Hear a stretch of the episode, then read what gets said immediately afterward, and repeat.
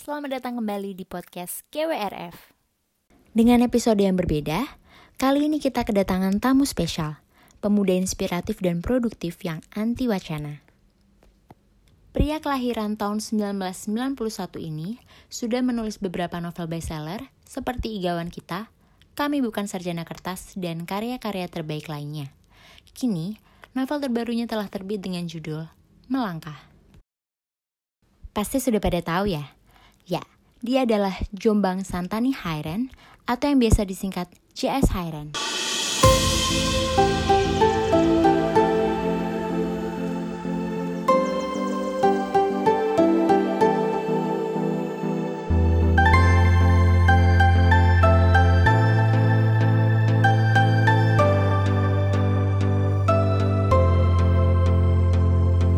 Rencananya tahun ini kan Mas Hairan ikut meramaikan GWRF nih di Perpusnas untuk tanggal 4 April yang lalu dan khusus untuk launching buku terbaru dengan judul Melangkah. Tapi sayangnya karena pandemi yang luar biasa ini, akhirnya GWRF harus resmi ditunda dulu. Ingin tahu nih pendapat Mas Hairan soal GWRF dan mungkin sudah ada yang dipersiapkan nih Mas pada waktu itu?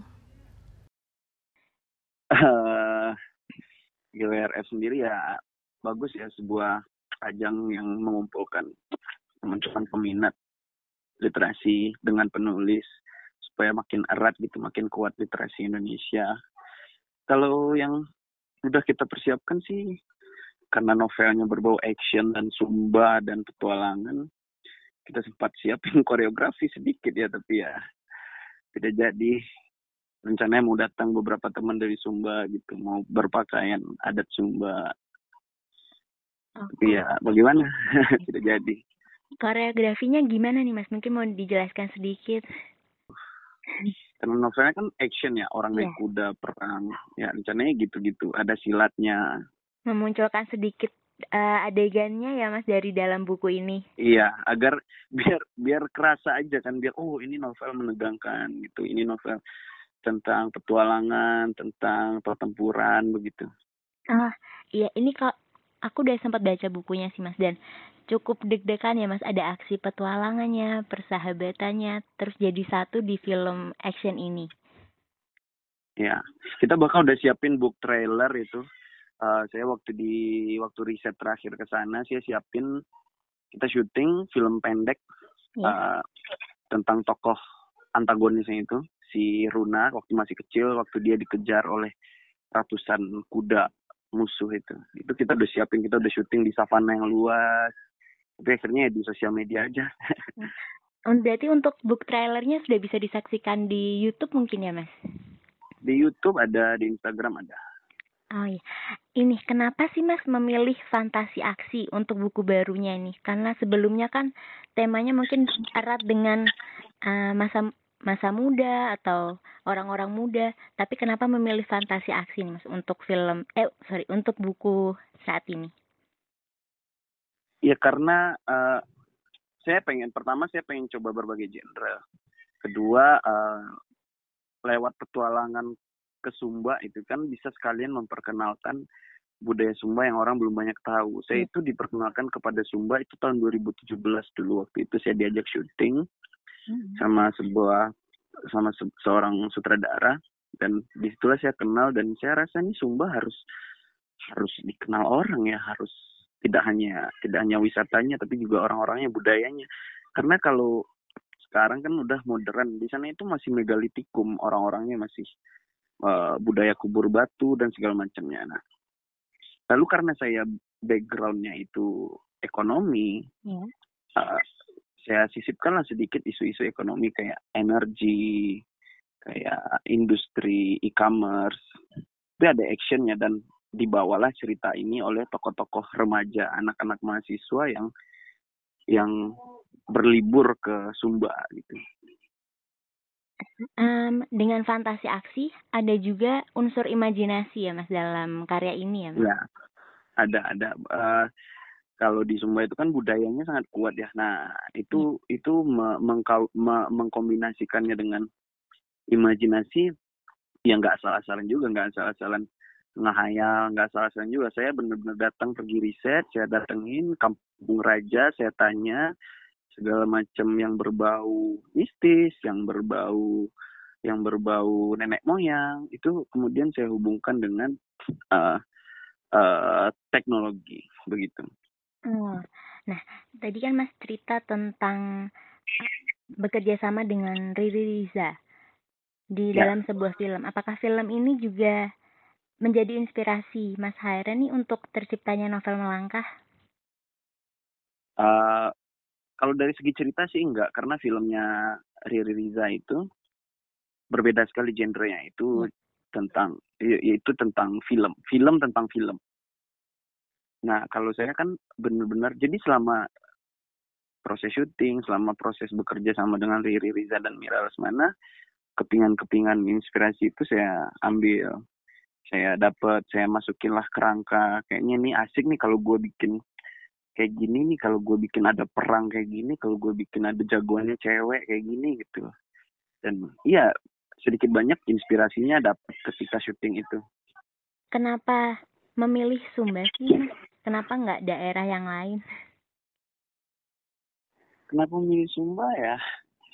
Alasannya ya karena itu tadi karena saya banyak dapat pengalaman di sana, dapat banyak cerita di sana dan nanti itu ini akan jadi serial yang fokus ke Indonesia Timur. Nanti akan ada dua dua novel sambungannya uh, melangkah, berlari, terbang itu nanti akan ada dua wilayah lain. Karena Indonesia Timur itu indah sekali, eksotis sekali. Kayak ah kalau apalagi orang yang udah terbiasa di Jakarta gitu di kota besar, aduh anda ke Indonesia Timur tuh surga banget tuh jadi saatnya memperkenalkan. Mungkin sudah banyak juga yang memperkenalkan cuma kalangan pembaca saya saya rasa bisa lebih paham lagi, bisa lebih tahu lagi lewat karya-karya saya. Iya, apalagi dengan mengangkat tema yang berbeda ya Mas, fantasi, aksi, nah. dan cukup menegangkan sih kalau membaca setiap babaknya tuh. Dia dia berapa bab, berapa lama menamatkan novel itu? Uh, aku jujur cukup lama sih Mas, kayak butuh tiga hari. Oh, Oke, okay. tapi cukup cepat. oh iya, tapi karena setiap episodenya itu kan nggak butuh banyak halaman ya mas jadi tiap yeah. Sedikit kayak tiga halaman terus episode baru episode baru jadi kayak yeah. apa nih abis ini kayak mau tahu terus gitu iya iya iya banyak pembaca saya yang juga bilang tuh sehari kelar bacanya bahkan nggak sampai sehari dibanding novel-novel sebelumnya Kenapa nih Mas memakai teknik episode ini? Apakah biar kayak aku sebagai pembaca pengen baca terus atau gimana nih? Iya biar dibelah aja karena kan kalau itu cukup umum novel-novel memakai episode-episode episode 1 sampai 30-an itu cukup umum biar yeah. kalau kalau nonton film kan itu dibelahnya jadi scene-scene adegan-adegan ke novel ya episode-episode gitu. Karena kan berpindah lokasi, berpindah musuh, berpindah keadaan jadi dibagi-bagi secara episode. Nah, uh, dengan mengombinasikan tadi ya kehidupan mahasiswa, terus ada unsur dari background Mas Hairan juga yang backgroundnya dari ya. ekonomi, terus juga ada uh, unsur fiksi, aksi, imajinasi. Ini bagaimana sih cara Mas Hairan menemukan ide cerita nih? Kayaknya nggak mungkin banget menggabungkan ekonomi dengan fiksi aksi. Gitu bagaimana Mas? Uh, kalau dibilang nggak mungkin, kita mungkin dia juga pernah nonton film uh, judulnya time pernah nggak jadi mata uang tuh nggak ada lagi adanya tuh umur jadi kalau beli kopi segelas yang keluar tuh bukan uang tapi umur kamu berkurang empat menit itu salah satu fantasi ekonomi yang keren banget menurut saya oh, okay. nah uh, uh, waktu kuliah tuh dulu kita bahkan Pak Faisal Basri itu pernah bilang kalian yang yang punya kemampuan menulis fiksi menulis renyah begitu cobalah kepada masyarakat awam kalian komunikasikan lewat karya-karya. Nah, dari situlah juga salah satunya. Karena kan kalau misalnya nih di Twitter atau di media sosial orang lagi ngomongin subsidi ditarik, subsidi ditarik atau ngomongin oh, harga BBM naik atau apalah yang berkaitan ekonomi itu kayak seakan-akan semua orang tuh tiba-tiba jadi pintar gitu. Iya. Nah, padahal tahunya tuh cuma dikit-dikit gitu. Nah, jadi akan bisa harga dolar, harga dolar itu naik turun tuh tidak selamanya dolar itu naik itu berarti buruk loh. Nah, tidak selamanya juga turun itu berarti baik. Nah, karena itulah akhirnya uh, lewat kemampuan, lewat pengetahuan yang saya miliki, walaupun pengetahuan saya juga di bidang ekonomi saya bisa bilang nggak terlalu dewa, tapi ya dengan yang ada saya coba kombinasikan gitu. Saya bahkan undang teman-teman ekonom, teman-teman saya yang udah S2, S3, eh men, ini gue habis dari Sumba, situasi penduduknya gini-gini, gue mau bikin fantasi gini-gini-gini sisi ekonomi yang gue masukin gini-gini. Gimana menurut lo? Akhirnya dibedah tuh lewat sesi FGD kita diskusi berkali-kali berkali-kali akhirnya ketemu deh itu. Hmm, jadi karena uh, juga bantuan orang-orang ya mas? Iya. ciptanya novel ini. Mm -hmm. membahas dikit soal yang tadi kan Mas Haren sempat bilang kalau di Twitter nih orang jadi berasa pinter semua kalau bahas tentang ekonomi, mungkin tentang sedikit tentang politik juga ya Mas ya. Kalau melihat tentang fenomena itu nih Mas, mm -hmm. apa sih yang mau disampaikan Mas Hairan lewat novel ini? Kalau kalau novel Melangkah sendiri nggak kaitannya terhadap fenomena orang yang suka marah-marah, yang suka pinter merasa pinter itu bisa dibilang uh, tipis yang nggak ada malah karena itu bisa itu jadi novel tersendiri. Jadinya itu yang akan terbit di buku saya berikutnya gitu. Uh, bulan ini akhir bulan ini dia akan pre-order. Cuma kalau melangkah itu lebih ke isu tentang uh, energi. Kalau misalnya kita hari ini memakai energi listrik gitu. Ya. nah apalagi kemarin listrik semua orang kayaknya mengalami kenaikan yang dua kali lipat tiga kali lipat gitu kan. Nah Nah, di situ para para pemuda ini yang bertualang ini akhirnya menemukan uh, sebuah tempat di mana sedang dibuatlah laboratorium energi bagaimana membuat Pulau Jawa dan Pulau Bali itu tiba-tiba semua trafo listriknya meledak sehingga listrik mati. Kalau iya. udah listrik mati, kalau li, li, energi ini kan salah satu salah satu unsur paling penting ya dalam kehidupan kalau listrik tidak ada, maka roda ekonomi lumpuh.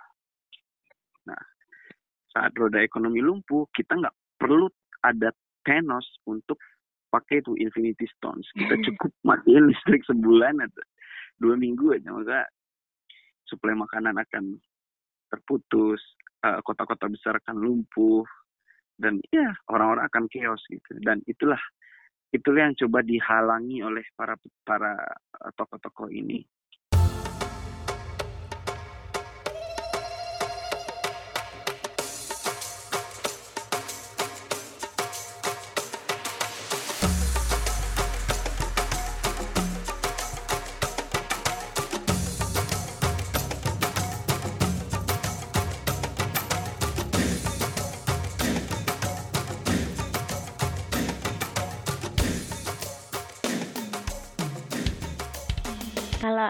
Ngelihat tentang isi bukunya ini kan tentang empat pemuda ya dengan iya. background yeah. yang berbeda tapi ternyata punya keahlian silat nih cukup unik sekali. Iya. Yeah. Kenapa memilih keahlian bela diri silat, Mas Airen? Pertama karena saya dulu pencak silat. Oh. saya dulu waktu sekolah, waktu kuliah saya ikut ikut pencak silat. Uh, pernah ikut beberapa kali kejuaraan dan kedua uh, pencak silat itu kan warisan kita ya warisan negara kita. Uh, hmm. anak muda mungkin sekarang lebih banyak tahu taekwondo lebih banyak tahu UFC lebih banyak tahu seni bela diri seni bela diri negara lain. Nah lewat novel inilah saya mencoba me, me, merawat itu semua agar orang tahu bahwa pencak silat itu bisa keren gitu dan nggak jadul gitu. Kita kalau juga lihat kemarin Asian Games juga kan keren sekali dia yeah. yang atlet-atlet kita gitu. Saya sih ngebayanginnya salah satu atlet itu nanti akan jadi tokoh di novel ini. Kalau kita mundur sedikit nih mulai ya Mas um, dari kisah-kisah tentang JS Hairan. Awal mula Mas Hairan menulis berawal dari kegelisahan.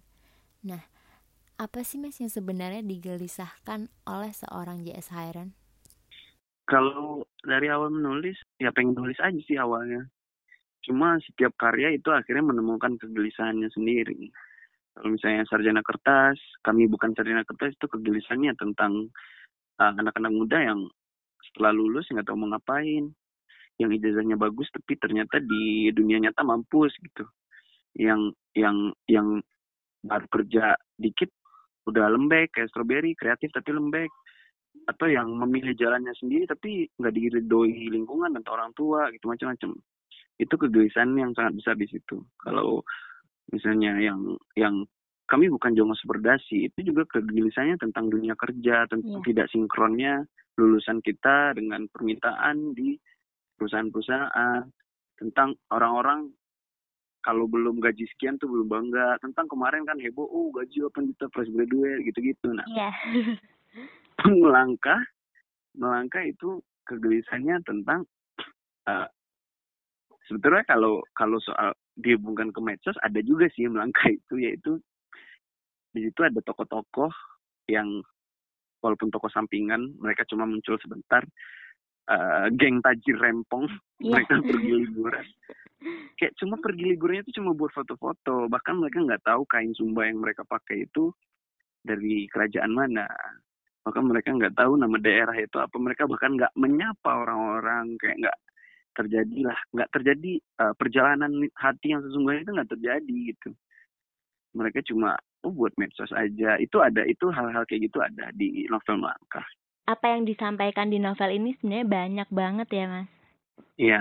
Kalau melihat uh, kegelisahan dari Mas JS Hairen kan banyak nih dari soal pekerjaan lalu di novel Melangkah ini juga tentang banyak hal juga uh, termasuk hmm. tentang media sosial tadi ya Mas. Hmm. Menurut Mas Hairen mungkin bisa memberi pandangan sendiri kenapa sih kita sebagai manusia terutama orang muda kenapa kita harus membuat karya harus menciptakan sesuatu hmm. Itu yang akan saya bahas di novel berikutnya kami bukan generasi bacot tapi bacotnya itu disensor kayak kemarin ada buku yang sangat laris sekali uh, apa uh, the subtle art of not giving a fuck tapi fucknya itu disensor iya yeah. uh, sebetulnya nggak harus berkarya tapi banyak jalan. Kalau mau jadi karyawan gitu juga nggak apa-apa. Jadi pengusaha, berkarya. Sebetulnya apa pun pilihan karirmu, apa pun pilihanmu dalam hidup, nggak masalah. Yang masalah adalah ketika kita tidak, pertama mungkin tidak sungguh-sungguh, kedua selalu membandingkan, ketiga ketika kita merasa oh, apa merasa kayak apa-apa tuh kayak nggak penting lah gitu kayak atau yang keempat ya udah ngejalanin hidup tuh kayak datar-datar aja kayak lu nggak punya self driving lu nggak punya dorongan untuk berbuat sesuatu nah bagaimana kasusnya kalau karyawan gitu misal nih uh, ini semua perusahaan sedang diuji. Misalnya yeah. Gramedia. Gramedia kan karyawan tapi mental mentalnya apakah karyawan semua atau tidak? Nah yang mental berkarya akan diuji di situasi pandemi ini. Akan keluar mungkin repel-repel yang memberikan solusi bahwa oh kita harus menjual online secara masif gini gini gini gini keluarlah uh, solusi dari seorang editor misalnya oh kita baiknya uh, Gramedia Writers Festival kita bikin di Spotify nah muncul kan mental-mental berkarya nah jadi kita put something menyelesaikan masalah-masalah yang muncul hari ini dengan solusi hari ini gitu kita harus bergerak self driving intinya lagi-lagi. Aku setuju mm -hmm. banget sih mas kalau walaupun dengan adanya masalah itu pasti ada solusinya kan mas. Mm. Nah untuk melatih diri kita nih supaya bisa selalu siap dengan apa pun yang mau terjadi dan bisa self driven punya grit itu menurut Mas Heran apa sih yang harus dilatih karena kan kalau kita lihat nggak semua orang ya Mas punya kemampuan itu gitu. Uh, ini cerita aja berarti nih cerita saya aja Boleh. saya lulusan ekonomi FEUI bayangkan dengan ijazah FEUI setidaknya ekspektasi orang tua ekspektasi keluarga dan lingkungan itu kerja di BUMN atau perusahaan consulting yang bagus yeah. cuma uh, kayaknya itu bukan panggilan saya deh gitu ya kayaknya enggak deh itu akhirnya trophy di novel pertama, kedua itu biasa aja, bahkan cenderung jelek penjualannya. Di Gramedia mungkin editornya kesel juga tuh, aduh nih anak kok bukunya nggak jalan-jalan gitu. Akhirnya di buku ketiga, keempat, kelima, keenam mulai naik pelan-pelan. Nah, di buku ke-8 yang Sarjana Kertas itulah akhirnya meledak. yang benar-benar saya pun kaget gitu sampai 9-10 kali cetak dalam Hmm. tahun gitu. Nah, gimana? Ya udah kita pertama persisten sambil terus mengembangkan di mana nih kesalahan kita. Kita sembari terus mengembangkan skill-skill yang belum kita miliki skill-skill pendukung untuk hal-hal yang kita kejar. Eh, Sembari terus memperluas networking, sembari terus mempelajari apa yang udah dilakukan oleh orang-orang yang sebelumnya udah sukses gitu di bidang itu gitu.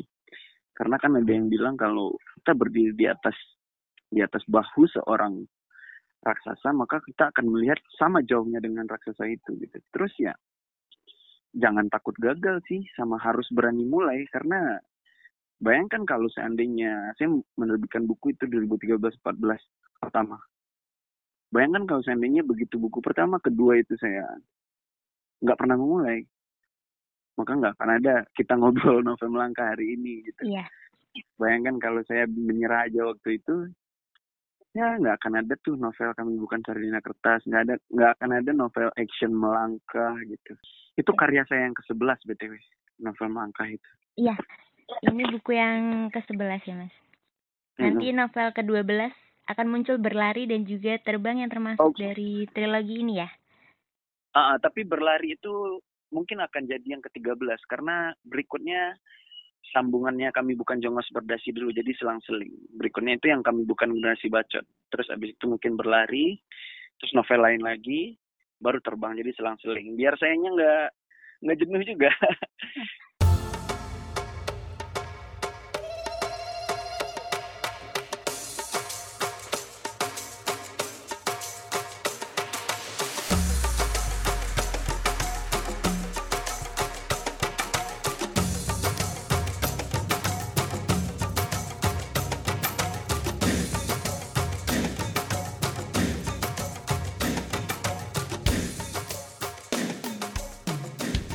Ini kalau ngelihat Mas Jasaran ini kan berarti ada dua tema yang berbeda ya, Mas. Ya. Itu susah nggak sih, Mas, membagi waktu dan juga pemikirannya karena kan ini temanya cukup berbeda sih. Lagi-lagi itu kemampuan membaca sih, kemampuan Hmm. membaca karena semakin banyak yang kita baca, semakin banyak hal yang kita nggak tahu, semakin banyak hal yang pengen kita bahas, semakin banyak hal yang pengen kita gali, semakin banyak informasi yang kita miliki, semakin banyak pula kegelisahan kita. Iya. Nah, semakin bertambah umur, uh, kita tuh juga makin melihat dunia makin banyak gitu hal-hal yang mungkin bisa nih gua beri satu pandangan tentang ini gitu. Mungkin kalau misalnya seorang penulis dia belum berkeluarga, dia nggak akan nggak akan punya tuh pemikiran menulis tentang keluarga gitu atau tentang merawat anak. Tapi begitu dia punya anak gitu, mulailah tuh kepikiran gimana nih ya harus nulis tentang dongeng anak atau nulis kayak kayak petualangan Sherina, nulis-nulis yang seru kayak Harry Potter gitu itu kegelisahan-kegelisahan kayak gitu ya akan terus bertambah dan itu wajar saja. Justru itu menjadikan mesin kreativitasnya jadi tanpa henti gitu. Berarti kadang Malah kan- bagus. Berarti kadang karena pengalaman sendiri juga ya, Mas, bisa muncul pemikiran ide-ide seperti itu. Ah, pengalaman. Jangan takut sasar intinya. Jangan Ya. takut belajar. Ini ada ah, hal yang menarik sih Mas yang aku temukan di babak tiga quote awalnya karena setiap babak setiap episode ini ada quotes quotesnya yang sangat menurut aku sangat puitis nih. Asik. Oke, yang mana? Ini sesekali perlu juga menghadapi masalah yang di luar nalar. Ini bisa memberi Ya. efek kejut pada proses pendewasaan. Dan aku relate banget sih mas. Mungkin eh, pembaca Gimana atau pendengar yang lain juga karena kan di masa pandemi ini ya Mhm. eh, masalah yang nggak kita bayangkan ya ada pandemi ada dan juga banyak masalah-masalah setelah pandemi jadi ribet hal ini itu Mhm. dan jadi men- Akhirnya kamu malah belajar. iya jadi belajar dan menurutku ini sang kalimat yang relate banget sih buat aku walaupun ini mungkin epis eh, bahas tentang salah satu episode tapi relate juga untuk kehidupan kita pada normalnya Karena memang di saat kita mendapatkan sesuatu, menemukan sesuatu, dihadang sesuatu yang nggak pernah kita bayangkan, itu otak kita baru mulai bekerja saat itu gitu. Iya Krisis 98 itu orang-orang yang bertahan tuh adalah orang-orang yang cepat beradaptasi adalah orang-orang yang cepat memikirkan jalan keluar. Begitu juga saat ini gitu. Orang-orang yang mungkin manusia manusia nggak seperti singa yang punya taring tajam gitu. Kita mungkin nggak punya kekuatan supernatural gitu. Tapi kita punya satu hal yang hebat yaitu kemampuan beradaptasi. Manusia itu cepat banget beradaptasinya. Kalau hewan mereka berevolusi kan. Nah kalau manusia beradaptasi, ya. begitu dia. Jadi uh, harus siap beradaptasi di dalam hal apa pun ya mas. Dalam hal apa pun memang.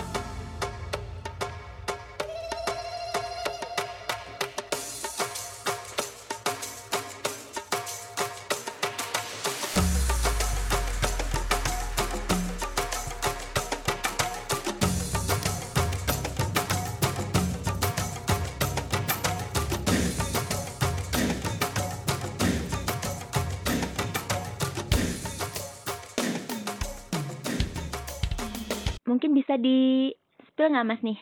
Lanjutannya kapan sih untuk novel lanjutannya berlari? Karena di bagian terakhir yeah. sudah dijelaskan nih nanti juga akan bersambung nah, ke novel berlari. Rencananya novel berlari itu akhir tahun ini. Oke. Okay. tapi karena kemarin psbb saya jadi nggak bisa ke mana-mana karena kan saya harus riset ya ke daerah yang yang sangat eksotik yang disebut di akhir novel itu gitu Nah, saya tuh kalau riset saya nggak tanggung-tanggung. Saya pembaca saya di Instagram pasti tahu tuh. Riset saya tuh bisa lama, bisa dalam banget, dan bisa fun, bisa fun banget. Saya bahkan kadang ngajak pembaca saya riset gitu. Nah, ini saya belum bisa ke sana kan sekarang yeah. ke daerah tersebut. Jadi ya terpaksa mungkin akan ditunda tiga bulanan gitu. Bisa jadi Februari, Maret, April 2021. Tapi lagi-lagi lihat nanti kalau misalnya tapi nggak tahu sih melihat pola melihat berbagai analisis uh, pandemi ini akan bertahan cukup lama ya. Iya. Tapi semoga bisa tetap jalan terus ya Mas risetnya. Ya. Semoga. Terima kasih banget nih Mas Jess Hairan sudah meluangkan waktu apalagi di weekend ini ya Mas. ya, terima kasih sekali udah bergabung untuk kisah dalam podcast GWRF. Sukses selalu untuk Mas Jaya Sairen karena kita semua menunggu nih untuk novel berikutnya. Siap, siap, siap, siap. Ya, terima kasih Mas Hairen. Sampai jumpa semoga di GWRF selanjutnya. Amin. Ya, semoga sehat selalu teman-teman di sana ya. Ya, mungkin ada salam nih Mas untuk para pembaca Mas Jaya Sairen. Salamnya adalah semoga teman-teman sehat dan uh, apa dan siapkan strategi menghadapi situasi seperti ini. Kita harus terus maju, terus harus melangkah. Amin. Karena Pas banget segelap nih. apa pun, uh, segelap apa pun hari kemarin, selalu ada pelangi di setiap badai. Setuju banget mas. Selalu puitis dan suka banget sama quotes-quotes dari Mas Jaya Siren ini. Nah, gimana obrolan tadi teman-teman? Keren banget kan ternyata sosok JS Siren ini berawal dari gelisah sampai membawanya ke Sumba. Kalau teman-teman ada yang merasakan gelisah saat ini, semoga dapat menemukan medium yang tepat seperti yang dilakukan oleh JS Hairan ini ya. Oh iya, tunggu dulu sebelum kalian pergi, kita masih punya daftar panjang penulis-penulis inspiratif buat kalian loh. Selain itu, di podcast GWRF ini, teman-teman juga tidak hanya mendapatkan ilmu, tapi juga bisa dapetin hadiah menarik dari kami. Makanya, jangan sampai ketinggalan ikut keseruan kami ya. Nah, buat teman-teman yang penasaran sama kisah aksi di buku melangkah, kalian bisa mendapatkan bukunya di gramedia.com atau Gramedia Store terdekat. Teman-teman juga bisa menggunakan layanan pesan bayar antar, jadi kalian tinggal di rumah aja, nanti bukunya diantar deh. Buat dapetin nomor Gramedia terdekat, kunjungi Instagram at Gramedia. Sampai jumpa di podcast GWRF berikutnya.